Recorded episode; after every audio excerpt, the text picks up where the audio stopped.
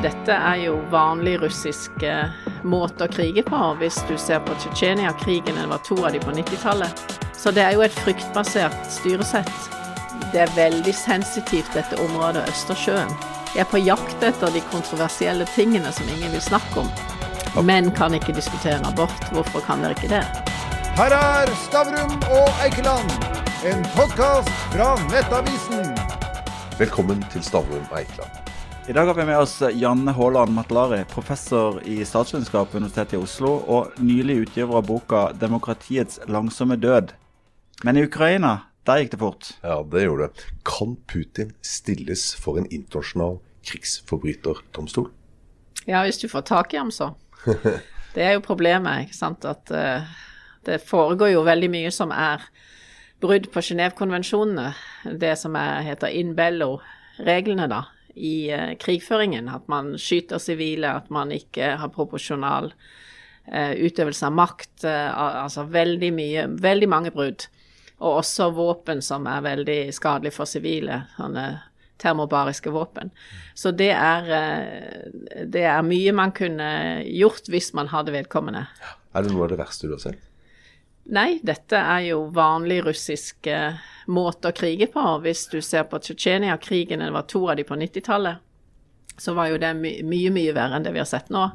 Grosjny ble jo nesten bombet eh, sønder og sammen. Eh, I sånne konflikter som dette, så har vi på en måte lett for å demonisere eh, folk på andre siden. Men er det riktig å demonisere Putin? Nei, det er jo uh, forhåpentligvis en rasjonalitet der i det han gjør. Det får vi jo virkelig håpe på. Uh, at han uh, Fordi at det blir en eller annen forhandlet løsning, tror jeg, til slutt. og det blir Hvis Putin overlever dette som president, som jeg vil anta det er mer sannsynlig enn det motsatte, så vil jo Vesten måtte forholde seg til Putin kanskje i ti, ti år pluss videre. Mm. Men, det, men det, det, er jo ikke så veldig populært, det han har gjort blant altså, de som er nærme han. For det, altså, de hadde det jo sinnssykt godt før krigen. Altså, nå tenker jeg på de som jobber i Kreml. Ja, oligarker, men også de som jobber i Kreml og sånt. Altså, mm. Mange hadde det vanvittig godt. Det har de ikke lenger. Tror du ikke det er veldig misnøye nå at, uh, for å få tilbake noe av det de hadde, at Putin må bort? Jo, men hvem skal gjøre det? Altså Hvis du så på det møtet i Sikkerhetsrådet hvor han satt ti meter fra de andre, og de kunne snakke én og én, og støtte forslag om å anerkjenne disse to fylkene da, som egne stater i, uh, i Ukraina, mm. så var det jo en som snakket feil, da. Og han sa jo at uh, han er for å innlemme disse i Russland. Og da fikk han jo korreks, og så sa han noe annet som også var feil, fikk korreks til. Og da skalv han jo helt uh, hørbart. Så det er jo et fryktbasert styresett hvor eh, toppmannen ikke tar sjanser overhodet, eh, og hvor den som da Skal man reise seg mot ham, så kommer det til å skje ekstremt plutselig. Men det er jo som en, eh, en som kjenner dette fra innsiden, er en, eh, en som heter Mark Galliotti, eh, som skriver fra London, og han sier at det er jo sikkerhetsstyrkene, FSB, som som er Putins egne styrker, da, fra han jobbet som uh, i DDR.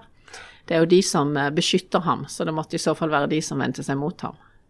Hvis vi ser på, Du nevnte Tsjetsjenia, ta Georgia, ta Moldova, ta andre land som har på en måte russiske minoriteter. Eh, tror du at vi har sett starten på noe som kommer til å fortsette, eller har vi nå sett slutten på en, eh, en ekspansjonsvilje som eh, kommer til å forta seg?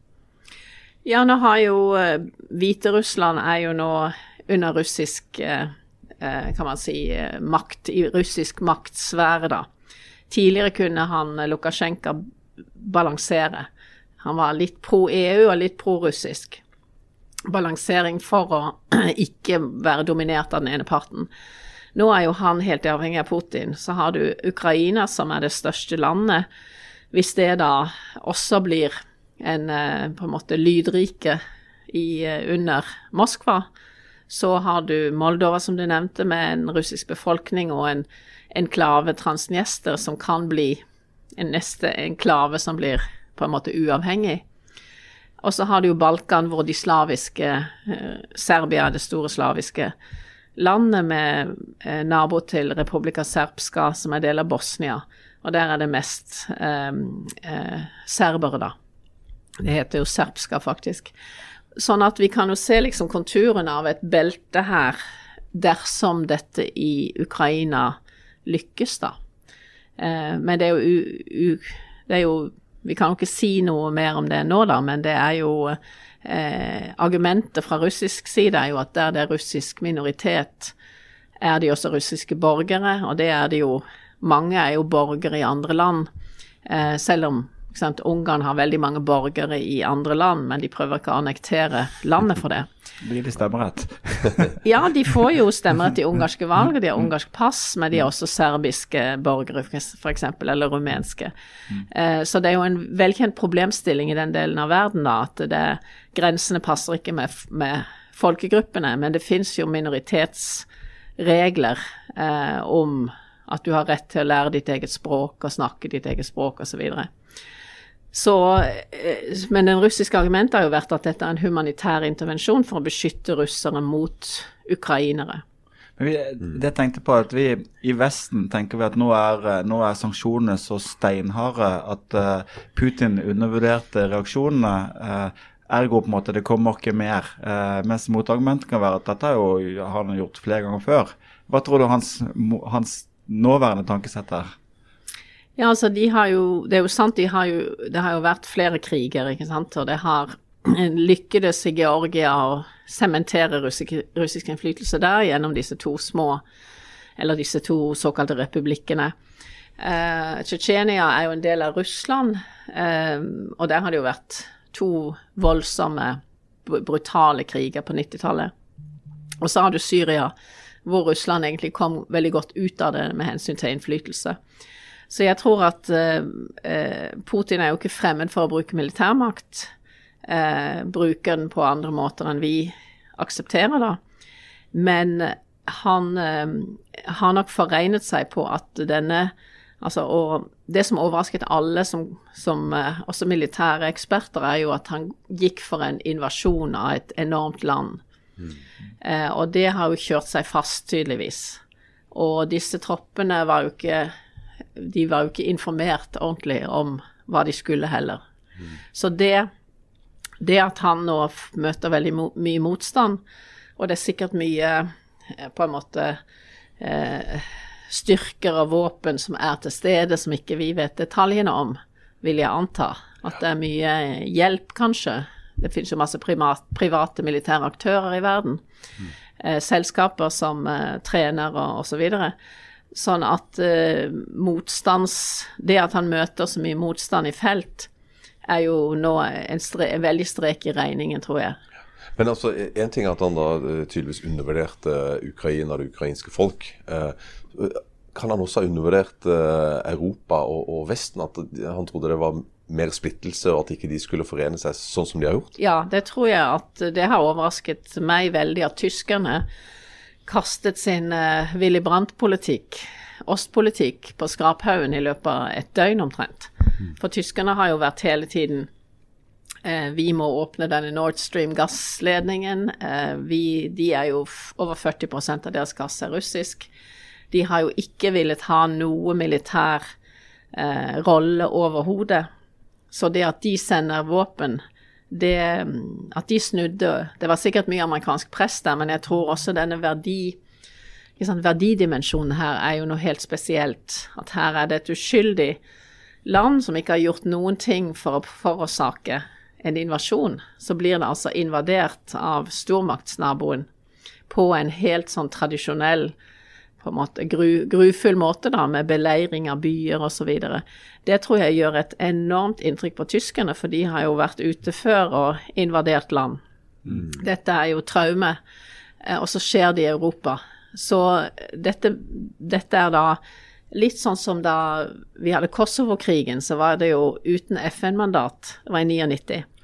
Og det var en humanitær intervensjon, mener vi fra vestlig side. Eh, og da kom tyskerne med, eh, med Joschka Fischer som utenriksminister, og han var den gamle Radisson 68-en som okkuperte rektors kontor og var skikkelig sånn eh, postmoderne radis, han sa ja, men verdiene her, vi kan ikke stå og se på. Og det, jeg tror det er det samme som skjer i tysk politikk, at dette er så graverende at de kan Altså, de Da må de endre politikk. Og det at Tyskland nå er kommet med eh, Altså i den vestlige eh, enhetlige gruppen, da, er så viktig. Og Frankrike som leder i Som er eh, formann i EU akkurat dette halvåret, får nå plutselig en alliert i EU for å utvikle en EU-rolle som er litt tøffere enn tidligere. Mm.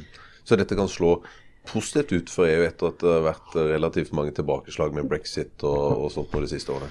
Ja, jeg tenker at uh, Tyskland har jo vært den, det er jo den store økonomien, det største landet, men har vært helt uvillig til å gå inn på liksom en, en hardmaktsrolle, strategisk rolle for EU. Mens Frankrike har jo etterlyst det i mange år. Macrons hovedprosjekt er jo det. Så nå, nå er Tyskland plutselig en alliert som han kan bygge dette sammen med, da. Hvis vi ser, Du sa i sted at det kan være at vi må leve med Putin i ti år til. Nå sa Sverige og Finland begynner å tenke på Nato-medlemskap. Eh, Japan skal utplassere atomvåpen. Tyskland har endret fullstendig politikk. Baltikum er eh, frykt, frykter en situasjon. Polen og, Polen og Ungarn, eh, som jo er leda av i hvert fall Ungarn, av en gammel antikommunist. Eh, i hvert fall ikke noe mer spent i forhold til Russland. Hva slags europakart og hva slags situasjon ser du i disse ti årene?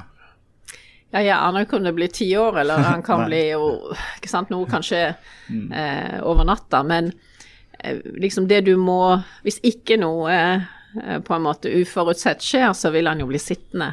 Mm. Eh, og hvis det går dårlig i krigføringen fremover, så vil han jo kanskje forhandle. Mm. Eh, men det er jo eh, tydelig at sant, Ukraina skal ikke inn i EU og skal ikke inn i Nato. Det kanskje skjer om 20-30 år, hvis det skjer noensinne. Mm. Eh, sånn at i det korte løp så blir det jo eh, et Russland som eh, styres av Putin fremdeles, eller av en annen. Eh, hvis ikke det skjer en revolusjon, altså. Det uforutsette kan skje, men vi kan jo ikke regne med at det skjer. Eh, sånn at eh, det Europa vi ser nå, blir jo at Nato må avskrekke mye, mye mer reelt i, i Øst-Europa. Baltikum spesielt, da. Mm. Vi må bruke mer på forsvar. Eh, det er veldig sensitivt, dette området Østersjøen. Mm. For da har du Baltikum, tre land som var sovjetrepublikker før, mm. som vi i Europa ikke anerkjente som egne land, faktisk. Mm i hele kaldkrigsperioden. Med russiske minoriteter, bare for å Er det det? Ja, ja. og det. Mm. Og så har du sør for de landene, sør for Litauen, er Kaliningrad, gamle Königsberg, mm. som er en russisk militærbase. Så russerne må jo kunne komme seg rundt Baltikum. Og så har de en eh, Det er en sånn eh, toglinje gjennom Litauen som er da eh, en russisk, for russisk transport inn. Mm. Men altså, det er jo veldig små avstander, mm. både til sjøs og i lufta. Så det at Finland og Sverige nå er ekstremt opptatt av Nato-medlemskap, det er liksom Det er den strategiske effekten. Det er det motsatte av hva Putin ønsker seg. Tror du at uh, Finland og, og, Sverige kommer til å gå så langt og, og søke å bli medlem? Ja, altså jeg tror det er en Det er jo klart en prosess. Det må jo ha en offentlig mening, altså må, opinionen må jo ønske det. Og det gjør den for første gang nå i Finland. Mm. Eh, samtidig så eh, er det jo i Sverige da en, en voldsom debatt eh, om dette, eh, som jeg tror ender med og, Altså, Finland og Sverige har jo avtalt seg imellom at det de gjør, skal de gjøre sammen. Mm. For å være liksom sikrere, da. Mm. Så eh, hvis opinionen ønsker medlemskap, så tror jeg det må være en prosess i, i stillhet i Nato-sammenheng for å gjøre eh, dette veldig forberedende. Slik at det ikke går lang tid fra en søknad til den er akseptert. Men hvis du var Finland, hadde du eh, løpt som bare F til Nato? altså. Ja, altså jeg vil jo tror jeg, Nå er det jo litt lurt å se det litt an og ikke være panikkartet, da eh, se an hva som skjer. Eh, men eh, jeg ville da, da hatt konsultasjoner på kammerset med Nato om dette. Eh, og det har de jo antageligvis. Finland og Sverige var med på Nato-møtene hele forrige uke, da. Du, eh, som nevnte, så har du akkurat gitt ut en bok om demokratiets langsomme død. Eh, og Et Ja. av poengene dine der er jo at eh, vi på en måte har mista vår innflytelse som borgere i land, fordi at vi har flytta så mye innflytelse over til overnasjonale enheter. Hvordan ser du det budskapet i lys av det som nå har skjedd? Jo, altså det står seg jo godt på den måten at det er jo nasjonale bidrag som Altså, det er stater som blir enige. Det er ikke EU kan ha sanksjoner fordi medlemslandene er enige om det. Eh, Nato kan Det er ikke Nato som sender våpen. Absolutt ikke. ikke sant? Det må ikke være Nato, det må være enkeltland som gir noe til, til Ukraina, og det kan ikke være for mye våpen. Det kan ikke være for farlig våpen, eller for liksom Du kan ikke gi massiv våpenhjelp uten at det kan eskalere. Så dette er jo veldig tydelig på det nasjonale nivå, men man koordinerer seg, eh, og det er veldig vanlig i utenrikspolitikken, at man koordinerer seg for å ha styrke utad. Så demokratiet, nasjonalstatdemokratiet Ja, det fungerer jo veldig bra nå, vil jeg si, og det forsterker det internasjonale samarbeidet. Mm. For det er jo en, en Alle er jo Det er jo ingen sånne Ingen land har tydeligvis sånn opposisjon som sier nei, vi må forstå russerne, og dette er falske nyheter og Ikke sant? Det er nesten ingen som eh, ser ingenting av det som liksom sier at eh, her er det to sider av denne saken. Jeg tror steigan.no er vel eneste. Ja, kanskje det.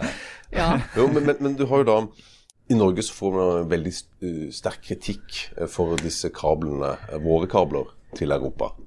Eh, strømprisene er skyhøye og, og sånt. Eh, har de rett? Altså at vi har mista vår kontroll på, på sånne viktige ting som rett og slett eh, strømmen og sånt? Altså at EU har spilt fallitt? Nei, det er jo et indre, et indre strømmarked, et indre kraftmarked. Vi, vi har jo frivillig blitt med. Ja, ja, ja. Ja. Så der ser vi jo hvor ille det kan bli, da. Eh, så, så det er jo noe som vi som, eh, som et demokrati absolutt bør ta opp. Eh, skal vi ha mye mer eh, skjermede eh, markeder, da. Eh, men jeg kan ikke nok om, om strømmarkedet til å vite hvordan det ville fungere, da. Men det er jo tydelig at Nord-Norge eh, har sitt eget pga. på grunn av mindre kabelutveksling, liksom, så har de lavere priser, for de har, de har et eget marked, da. Eh, Men altså, når Norge nå tjener så enormt på eh, olje og gass, så, bare, så må man jo bare subsidiere husholdningene. Du kan jo enten på en måte Eller løsningen på dette er jo å subsidiere mer, slik at forbrukeren ikke, ikke er eh, skadelidende, da. Altså Et underliggende og veldig interessant tema i boka di, det går jo på, på måte, vår evne til å diskutere med folk som er uenig med, med seg, istedenfor å forby dem. Du karakteriserer deg selv som en konservativ Eller du er en konservativ kristen person som til og med er abortmotstander. Hadde ikke du fått sparken i USA? jo, nei, kanskje ikke det. Altså, USA har jo, eh, har jo eh, hatt mye mer pluralisme, eller det, disse eh, kontroversielle spørsmål som folk er uenige om i USA, de har jo tunge fløyer på hver side, da. Mens eh, det har vi jo ikke her, her i Norge, da. Så det er jo mye mer av, av hva du si, konservative eh, standpunkter som, ha, som har tyngde i USA. Men eh, det er jo bare liksom en sånn sideting, for det, det som jeg prøver i denne boken, er jo Jeg er på jakt etter de kontroversielle tingene som ingen vil snakke om. Altså hvorfor, jeg spør hvorfor er det noen ting vi ikke kan diskutere? Eh, og, og hva er mekanismene? Så ikke sant, hva man mener om det ene eller andre er ikke det viktige, men det, disse er det ikke mulig å ha argumenter om ting. Det er jo blitt veldig sånn en politikk, eller blitt veldig sånn hvilken gruppe du tilhører bestemmer hva du kan være med å diskutere. Menn kan ikke diskutere abort, hvorfor kan dere ikke det? Så det er jo eh, en sånn mekanisme, og, og jeg skriver jo om det liksom brexit, som jeg syns var ille at britene gikk ut personlig, men de hadde en folkeavstemning, de hadde et flertall, og det var et legitimt svar. At de? Vi får respektere da at de gikk ut. Men i stedet så var det en sånn veldig Å ja, disse dumme velgerne som ikke forsto sitt eget beste. Så det er det, den, disse tingene jeg er på jakt etter. Jeg tar liksom sånn den motsatte eh, posisjonen av den vanlige som jeg ville tatt. Som er liksom å si at jo mer internasjonalt samarbeid, jo bedre. Jo mer opplyst og jo mer ekspertbasert, kunnskapsbasert, jo bedre er det. Og så sier jeg hvis vi tar demokratiet helt på alvor, så er det jo folk flest som skal styre i sine egne land. Men øh, også det du viser til, er jo at øh, det er jo den såkalte eliten. Det er byråkratene, det er øh, politikerne, det er kanskje professorene på, på universiteter som, som styrer hva vi skal mene. Eh, og de tar da ikke folket på alvor. Altså, du, du viser jo til Sverige, bl.a. Uh, Sverigedemokraterna de var vel 22% ved sist valg. De vil jo ikke diskutere. Altså Eliten i Sverige vil jo ikke diskutere. Ja, det er et av eksemplene Ja. på fra en demokratikongress jeg var på der, hvor eh, vi som var norske, og vi hadde en norsk delegasjon med norsk presse fra Klassekampen og sant, veldig mange forskjellige folk. Eh, og vi ble jo, og vi sa ja, men hvorfor kan dere ikke Dere må jo snakke om Sverigedemokraterna når de er så store, selv om de har den fortiden de har. Og da var liksom det svenske synet at eh, ja, dere har jo regjering med Fremskrittspartiet, og det er omtrent det samme. Så liksom, og vi sa nei, det er ikke det samme, men eh, det går jo an å forandre seg, ikke sant. Man må ha et, et liksom, et parti med en tredjedel av stemmene kan ikke ignoreres i, i evighet.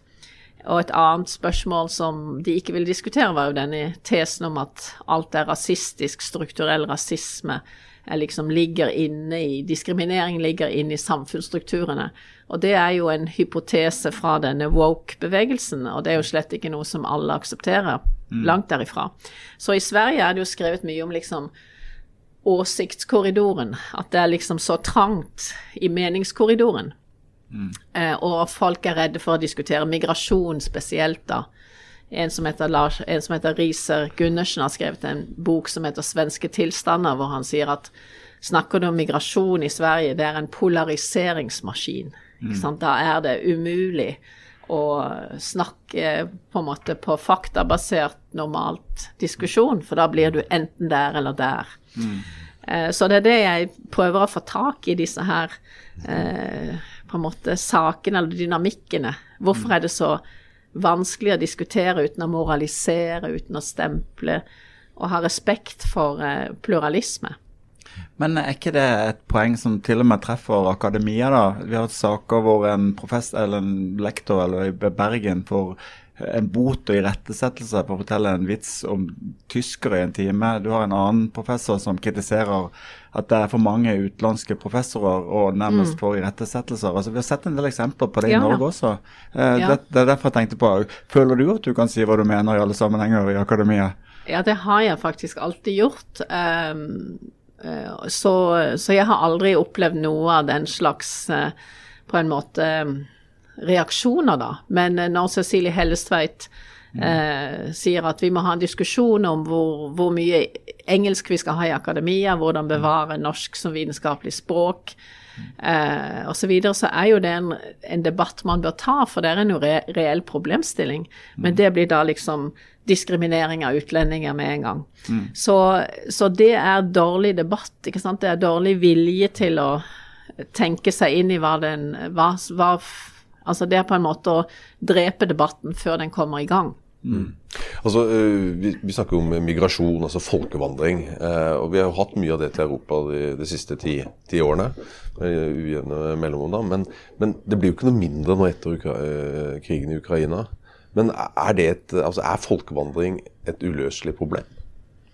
Ja, jeg vil jo skjelne veldig klart mellom migrasjon eller folkevandring, som er på en måte økonomisk også eh, utløst av mange faktorer. At du kan orientere deg om mye bedre land. Altså det er jo et, et valg om å, om å prøve å komme seg til et annet land.